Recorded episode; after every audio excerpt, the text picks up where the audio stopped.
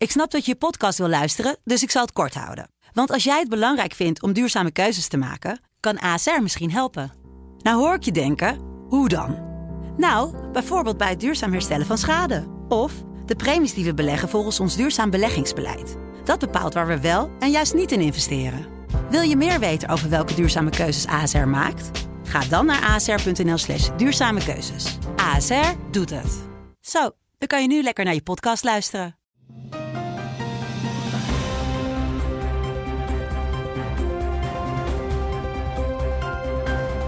Dit is de Telegraaf podcast. Het land van Wierduk met Kamran Oela.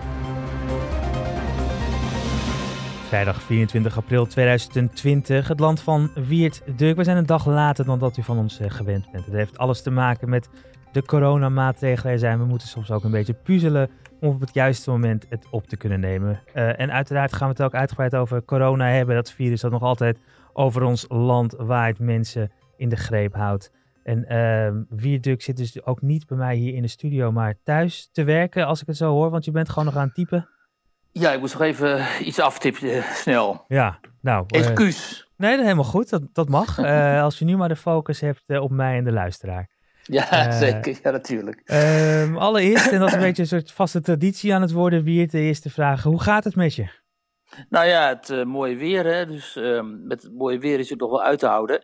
Um, maar ik kom af en toe ook wel in de stad natuurlijk. En ik zie toch wel ook dat voor heel veel mensen. Uh, heb ik de indruk steeds lastiger wordt om zich echt aan de regels te houden. En um, ik heb ook wel de indruk dat steeds meer mensen, maar daar gaan we het nog over hebben, zich afvragen. Uh, ja, waarom zijn die regels eigenlijk zo streng? En is er nu echt niet een andere oplossing te bedenken dan waar we nu in zitten? Maar het viel me op in de paar steden waar ik was deze week dat de, de drukte daar wel is toegenomen. En dat je toch ook wel veel groepjes ziet. Althans, ik zag ze. Ik weet niet of dat het algemeen zo is. Mhm. Maar groepen mensen die hè, van meer dan. groepjes van meer dan drie, vier mensen. Soms Ja. wel een groepje van zes, zeven studenten of zo. die met elkaar aan het picknicken zijn. Dat vond ik wel opvallend. Ik eh, zie dat zelf hoor. Ik moet, eh, omdat ik onderdeel ben van de zogenaamde kernredactie op de, op de redactie werken. Dus dat is echt een, eh, dat, dat moet. Ehm, en dat doe ik dan ook wel met, met plezier. Maar eh, als ik op de weg ga kijken, het is gewoon drukker deze week. Eh, dat merk Ja. je echt. Ja, Ja. ja. Nou ja, daarmee zijn we misschien met het eerste onderwerp. Hè. Ehm, het, het feit dat eh, Mark Rutte zoveel ondernemers en andere mensen die aan het werk willen in Nederland teleurstelde met zijn persconferentie. En eh, ja, je zag ook eh, onder die mensen ehm, bijna woede ontstaan. Hè. Ik weet niet of jij dat ook zo hebt ervaren, maar Mhm. onze collega Martin Visser die schreef dat ook in zijn column. Dat er toch wel echt grote onvrede heerst in ondernemend Nederland over de manier waarop deze crisis nou wordt aangepakt. Ja. Ja, dat, Nou ja, dat, dat hoor je inderdaad heel erg, eh, heel erg veel. Alleen tegelijkertijd is het niet zo weer dat, dat dit ook te verwachten was. Hebben mensen gewoon niet te veel verwachtingen gehad? nou ja, kijk, dat vraag ik me dus af. Ehm, ik ben nu bezig eh, om toch eens die hele tijdlijn, die hele geschiedenis van deze coronacrisis in Nederland eh, en vooral de manier waarop erop is gereageerd door de overheid, dus door het kabinet en RIVM, nog eens eh, te bekijken. En dan krijg je toch wel sterk de indruk dat dit heel anders had gekund. En dat in landen als Oostenrijk bijvoorbeeld en zelfs in Duitsland, waar de aanpak toch heel anders is geweest, eh, dat die dit bewijzen. Ehm, ten eerste, en daarover had ik ook een pagina deze week in de krant, hè, mijn donderdagse pagina. eh, is het zo dat eh, de overheid echt heeft gefaald in de manier waarop zij dit virus heeft ingeschat? Hè? Er waren, ik heb op die pagina mensen aan het woord gelaten, gewoon burgers, geïnteresseerde burgers, die al vanaf eind december, zeg maar, begin januari, eh, zich verdiepten in het coronavirus, Mhm. omdat ze zagen wat daar gebeurde in China.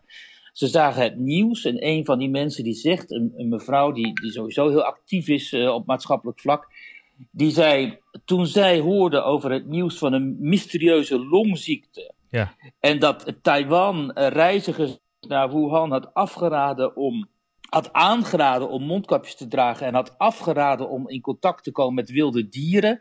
Ja, toen gingen bij haar alle alarmbellen af, omdat op het moment dat inderdaad zo'n virus van dier op mens overslaat, dan heb je het niet meer over griep, dan heb je het over zo'n coronavirus. En ehm, uh, en toen die mensen bovendien zagen op beelden uit Wuhan hoe daar gewoon mensen op straat neervielen, ofwel doodziek of misschien echt ook dood. En die filmpjes heb ik ook gezien, daar schrok mm. ik destijds ook enorm van.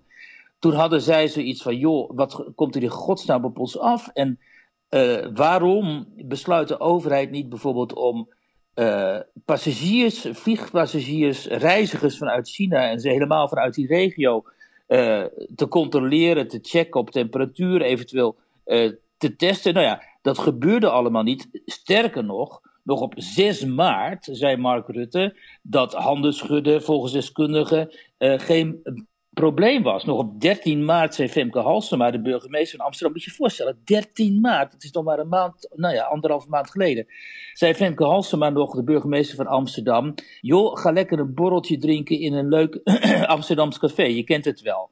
Terwijl deze mensen al lang in de gaten hadden, vanwege hun obsessieve uh, manier waarop ze daarmee bezig waren, hoe gevaarlijk dit virus was. En ze zagen ook dat andere landen, vooral in Azië, waar men dus heel veel ervaring heeft met dit soort SARS-achtige virussen, hoe men daar uh, uh, in een soort van, nou niet eens in paniek was geraakt, maar onmiddellijk een, een, een adequate reactie had. Namelijk isoleren, testen, testen, testen, tracen, isoleren. De enige manier is dat namelijk om dit virus eronder te krijgen. En um, vervolgens, vervolgens uh, kwam dus die aanvankelijke persconferentie waarop werd gezegd, of ik meen dat het toespraak was van Rutte, waarin werd gezegd dat we tot een vorm van groepsimmuniteit over zouden gaan. Wat helemaal niet kan. Je kunt groepsimmuniteit alleen op een verantwoorde manier gaan organiseren als je een vaccin hebt. Maar we hebben geen vaccin. Dus het doel om groepsimmuniteit uh, uh, te organiseren, uh, daarmee, en dat heb ik toen destijds ook al gezegd, maar was toen een beetje roepen in de woestijn, daarmee roep je over je af dat heel veel mensen ernstig ziek gaan worden of met zo'n virus gewoon komen te sterven, omdat we nou helemaal, helemaal geen antistoffen hebben tegen het virus. Toch was dat op dat moment nog inzet uh, bij kabinet en RIVM. Dat werd heel snel gecorrigeerd, hè, omdat er kritiek op kwam.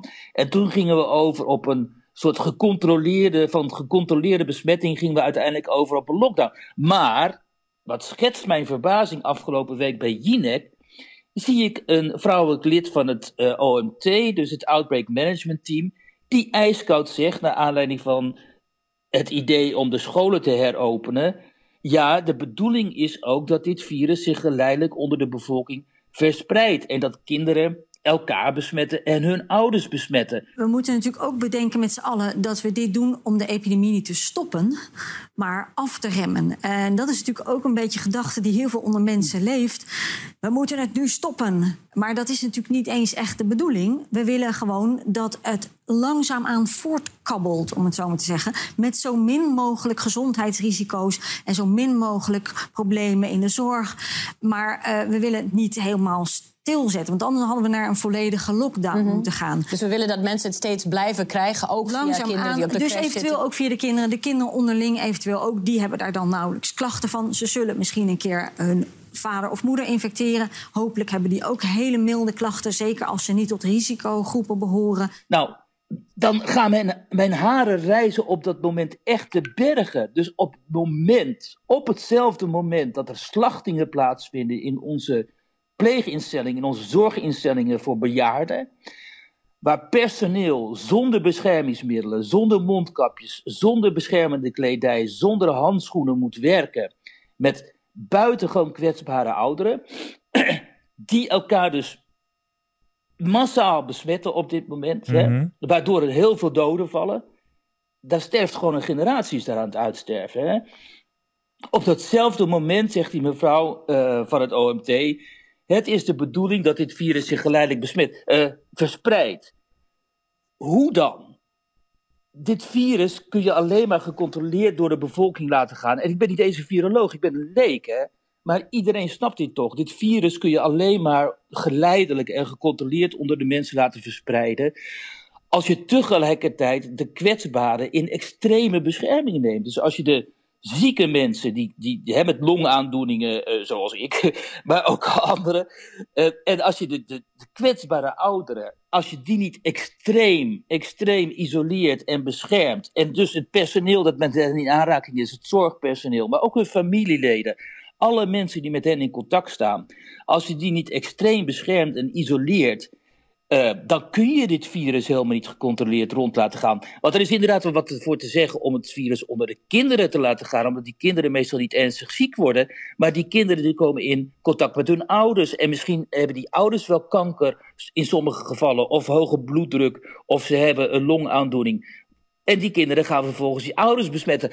Maar zelfs over de gedachte dat die kinderen wel eens besmettelijk zouden kunnen worden en hun ouders zouden kunnen besmetten, is geen consensus in het OMT. Want dan wordt er gezegd, het kan. Terwijl die mevrouw bij Jinek, die zegt gewoon letterlijk dat ze erop hopen. Dus dit is de boodschap die naar buiten toe is uitgedragen door kabinet en, en, en RIVM al de afgelopen maanden. Die boodschap is volstrekt onduidelijk. Het is volstrekt uh, chaotisch.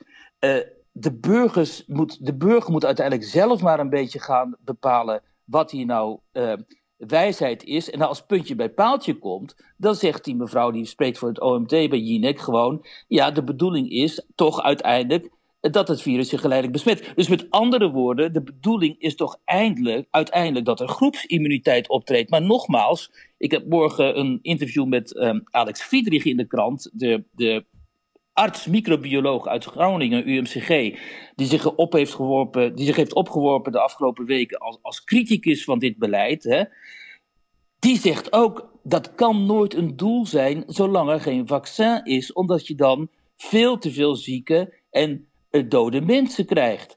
Um, ja. En dat is precies wat wij zien op dit moment in de bejaardenhuizen, zoals we die vroeger noemden, bejaardenhuizen.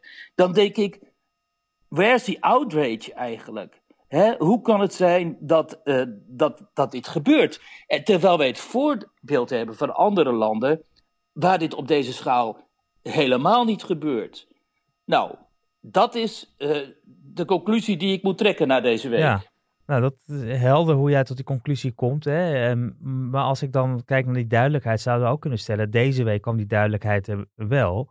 Want uh, ik hoorde de premier zeggen: de vrijheid uh, eindigt bij de gezondheid van een ander. Uh, dus ja, het, maar dan, en vervolgens krijgt hij ontzettend veel uh, lof en zo. Alleen, en, hè, en Hugo de Jonge die zegt ook de hele tijd, we zullen er alles doen om mensen te beschermen. Maar het gebeurt helemaal niet. Nee. Als ze dat zouden menen, ik, ik denk, ja, hallo, dan ben ik Rotterdammer, geen woorden maar daden. Ja. Uh, als je dit meent, dan zorg je ervoor dat in die pleeghuizen, in die verzorgingshuizen, voldoende beschermingsmateriaal is. Uh, en dat je inderdaad die mensen zozeer in isolatie hebt gebracht en zozeer hebt beschermd, als ware het een soort ziekenhuiscontext. Uh, dat heeft ook die, die, die uh, professor Kekulé, die ik een paar weken geleden heb gesproken, die Duitse professor, die zei dat we een deel van de samenleving wel weer open kunnen maken. Die zei toen ook dat kan alleen maar als je de, zeg maar, de zorginstellingen waar al die kwetsbare mensen zitten en die oude mensen zitten, als je die als een soort ziekenhuizen gaat zien. Soms zelfs als een soort IC's waardoor je die mensen zozeer in bescherming neemt dat het virus hopelijk uh, niet tot hun doordringt. En nu ontstaat de indruk dat we het eigenlijk helemaal geen probleem vinden dat dat virus in die ziekenhuizen rondwaart en zo. En dat kan niet. En op het moment dat dan uh, Lilian Marijnissen dit zegt in de Tweede Kamer, dat het kabinet iets minder belangstelling zou moeten hebben voor een app en iets meer, voor beschermende kleding voor zorgpersoneel, wordt Mark Rutte heel hartstikke kwaad. Ja, de, de minister-president wordt boos, begrijp ik, uh, voorzitter. Maar de minister-president roept, ja, u gaat een grens over. Maar ik vind dat we elke dag een grens overgaan door van die mensen te vragen om uh, zonder beschermende middelen, zonder voldoende beschermende middelen hun werk te doen. Dus dan kan de minister-president boos worden en gaan roepen. Maar volgens mij gaan we die grens over. Ja. Um, ja, prima dat die kwaad wordt. Maar misschien had, dat, had het kabinet zich wat eerder dit allemaal moeten realiseren. En dat is niet gebeurd. En nu zitten we, zoals het heet, met hele wrange uh, gebakken. En daarnaast nog, kun je zeggen, uh, had het kabinet best wel een toekomstperspectief kunnen bieden aan de ondernemers die nu zo boos zijn.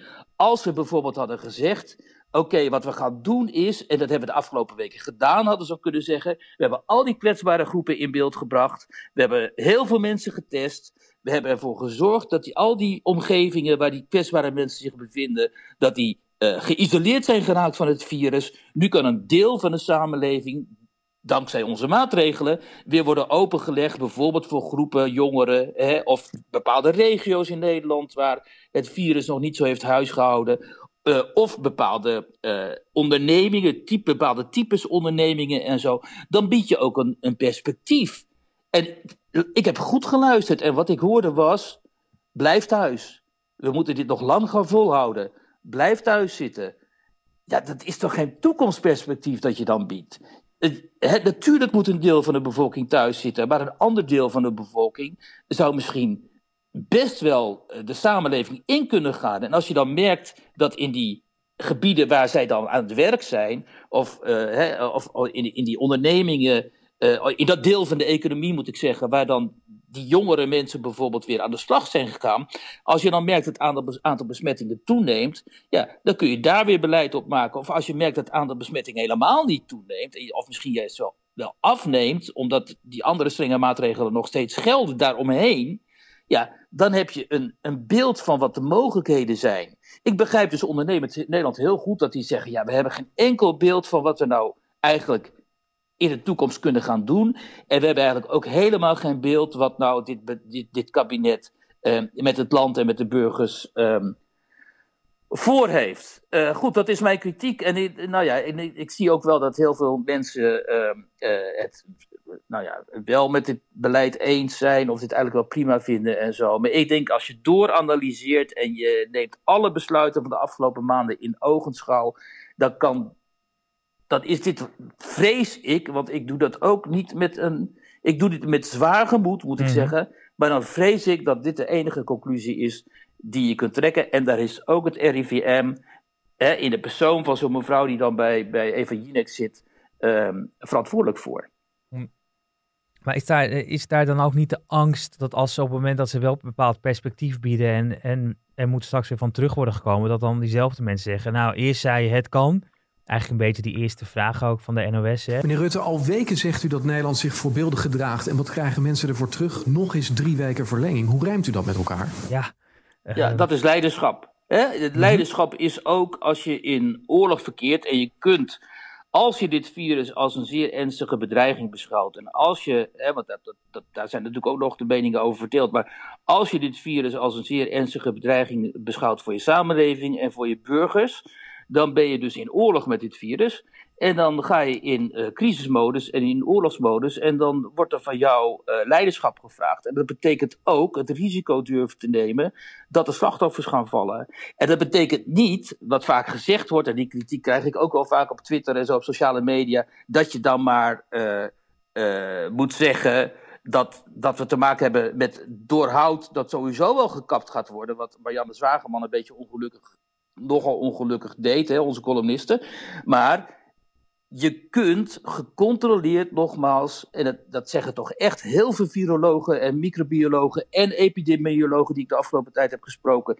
Je kunt proberen het virus te containen, in te dammen. Hè, wat, wat, wat, dat hebben we losgelaten, dat beleid. Maar dat, dat had vanaf het begin moeten worden geprobeerd. Het, de, containment methode, dus testen, testen, testen, testen, mensen opsporen, mensen die met die mensen in aanraking zijn geweest opsporen, isoleren, zorgen dat je al dat je die mensen dat je die mensen die dat virus verspreiden, de virus verspreiden, dat je die in beeld hebt en dat je die isoleert, in quarantaine brengt, zodat, hè, zodat de rest van die samenleving min of meer kan gaan door, uh, uh, functioneren. Dat is helemaal niet gedaan. Ik zal je één ding vertellen, dat is heel mhm. interessant. Ik heb dus morgen dat interview met Alex Friedrich in de krant, die dus voorstander is van testen. Hè?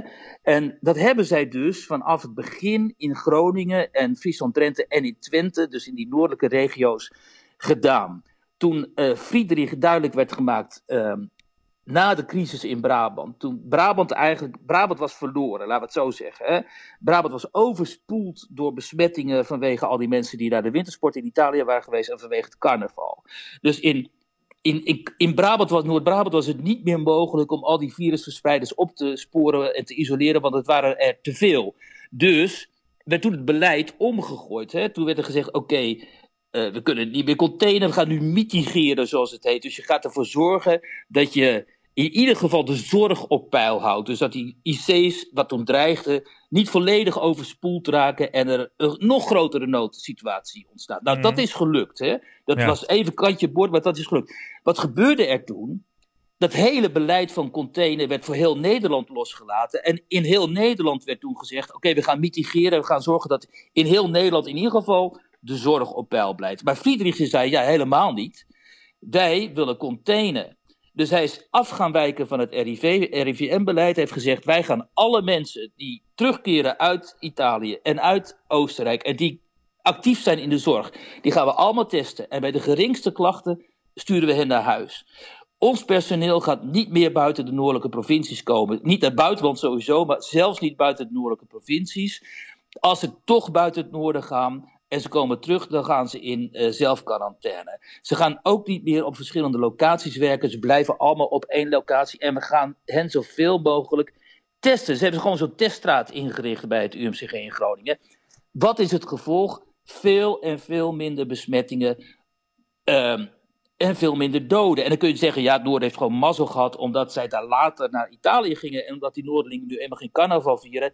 Dat is niet zo, want onder de uh, zorgmedewerkers van het UMCG zijn iets van 100 mensen of zo uh, opgespoord die het vaccin bij of die het uh, virus bij zich droegen. Ja. En die zijn naar huis gestuurd. En anders hadden ze dat virus dus, zoals nu gebeurt in de verpleeghuizen in Nederland, hadden ze dat virus in het UMCG notabene verspreid. Nou, moet je je voorstellen wat er dan was gebeurd.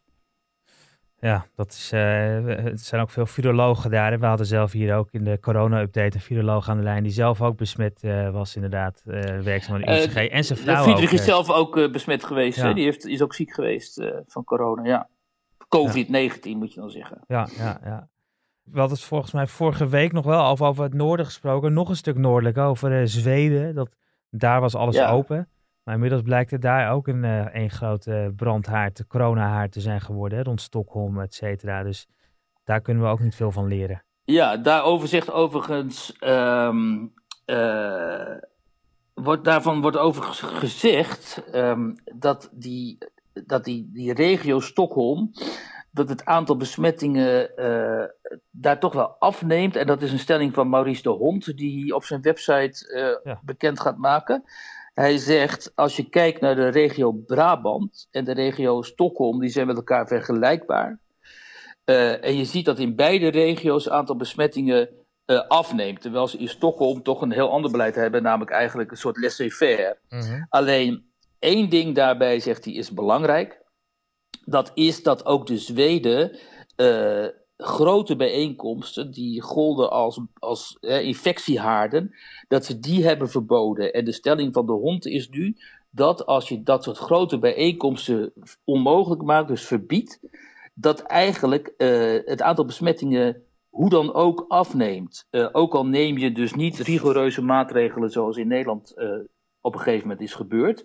En zegt hij, dat kan voor het bedrijfsleven dus heel belangrijk zijn, om als, als, als dit zo is, dan heb je die anderhalf meter samenleving helemaal niet nodig. Dan kun je eigenlijk uh, die samenleving of die, die economie weer opengooien.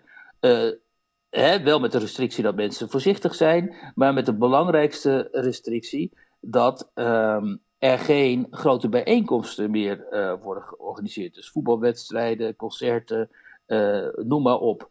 nou ja, dat, dat, dat valt nog te bewijzen, maar hij zegt dat, dat hij dat kan bewijzen en dat hij ook wetenschappers heeft die hem daarin bijstaan. Dus dat is natuurlijk wel een, eh, een interessant verhaal wat hij dan heeft. Ja, nou dat, uh, dat je op de site van uh, Maurice de Hond, gaf je aan hè? Precies. Ja. Um, wie het, het zijn nog niet corona gerelateerde onderwerpen waar we nog even bij stil moeten staan? Of laten we het voor deze week toch maar gewoon bij dit, bij dit corona verhaal, wat, wat jij duidelijk uitlegt, wat jouw analyse ervan, ervan is?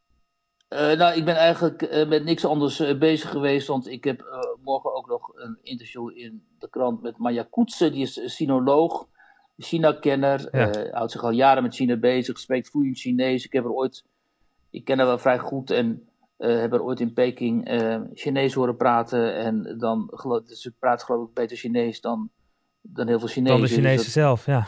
Ja, dat is echt heel, heel opvallend. En die expat-vrienden van haar net zo. Dat is echt heel indrukwekkend als je dan met zo'n gezelschap zit en je hoort hoe krankzinnig goed Chinees zij spreken. Dan denk je echt, oké, hoe is dit mogelijk? Uh, maar goed, zij kent dus de, China door en door en de Chinezen en ook de sociale media. En zij vertelt iets over de uh, reactie van de Chinezen op de kritiek uit het Westen. Hè? De, ja. dat, zo Donald Trump over Chinese, de Chinese virus en zo. En hoe, ja, hoe kwetsend de Chinezen dit dan eigenlijk vinden en hoe zij kijken naar hun, eigen, hun eigen optreden in deze crisis. En ook ook wel naar hun eigen geschiedenis en naar hun verhouding tot het Westen. Dus Mhm. ehm, eh, mijn eh, activiteiten deze week zijn wel heel erg corona gerelateerd. ik. Ja. Nee, en eh, dat, dat verhaal lezen we dan in de krant eh, van zaterdag en ook eh, op de website eh, te zien. En een aantal andere verhalen waar we het eerder over hadden, die zijn ergens komende week eh, in de krant te zien en eh, op de site eh, Precies. Te, te lezen.